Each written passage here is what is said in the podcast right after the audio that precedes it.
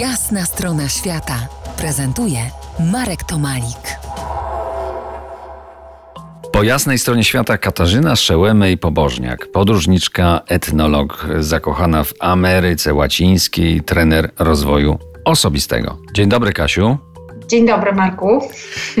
Pozwolisz, y, Kasiu, że zacznę naszą rozmowę od motta Twojej książki, książki, która się jeszcze nie ukazała. Problem z życiem nie jest taki, że nie ma odpowiedzi, tylko że jest y, bardzo wiele odpowiedzi. Te słowa miała powiedzieć Ruth Fulton Benedict. Kasiu, powiedz, jak znalazłaś się y, wśród ludzi Kichua w Ekwadorze? Jako nastolatka przeczytałam chyba wszystko, co było na rynku o Indianach Ameryki Północnej. Pojawiło się takie marzenie, że ja bym strasznie, ale to strasznie chciała się dowiedzieć, to znaczy zobaczyć, jak ci ludzie tak naprawdę żyją. I to marzenie we mnie było przez lata.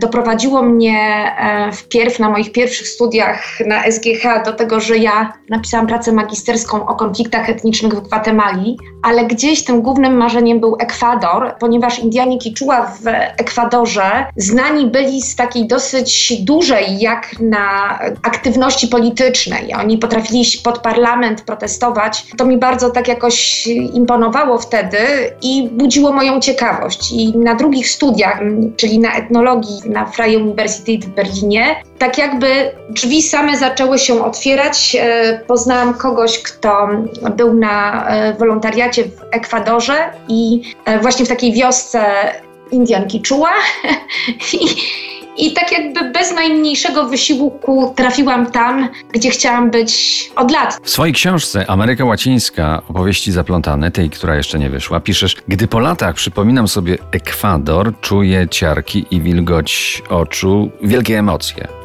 Tak. Zbierałaś materiały do pracy magisterskiej na temat wierzeń i praktyk medycznych Indian Kichua. Skąd te emocje zatem jeszcze po latach? One wynikają z relacji, jakie ja, ja nawiązałam w tej wiosce. Mimo, że przyjechałam e, tam jako osoba całkowicie obca z innego świata, można powiedzieć, zostałam przyjęta z bardzo dużą serdecznością, otwartością.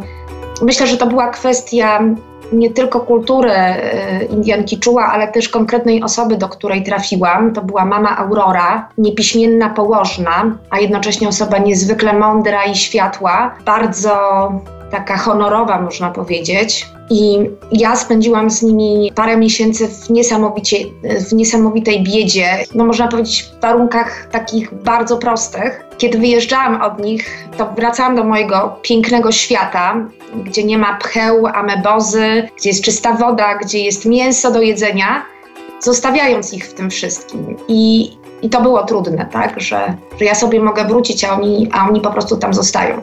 Ale oni się do tego przyzwyczaili. To było wysoko w górach, niedaleko wulkanu Chimborazu, uznawanego za szczyt najbardziej odległy od środka Ziemi. Troszkę symboliczne miejsce, nieprawdaż? Tak, tak. Właśnie codziennie rano, kiedy, kiedy wstawałam, to to biegłam jak najszybciej, dosłownie kilkadziesiąt metrów w górę, żeby zobaczyć e, wulkan o świcie bo on chociaż był w odległości 10 kilometrów, to wydawało się, że dosłownie jest bardzo blisko, bo był no, ogromny, prawda, z tej odległości się wydawał. E, a potem zasnuwały go, go chmury. To było niesamowite widowisko, co, coś pięknego. Za kilkanaście minut powchodzimy sobie głębiej w relacje i konstelacje tam pod e, tym wulkanem. Zostańcie z nami. To jest jasna strona świata w RMS Classic.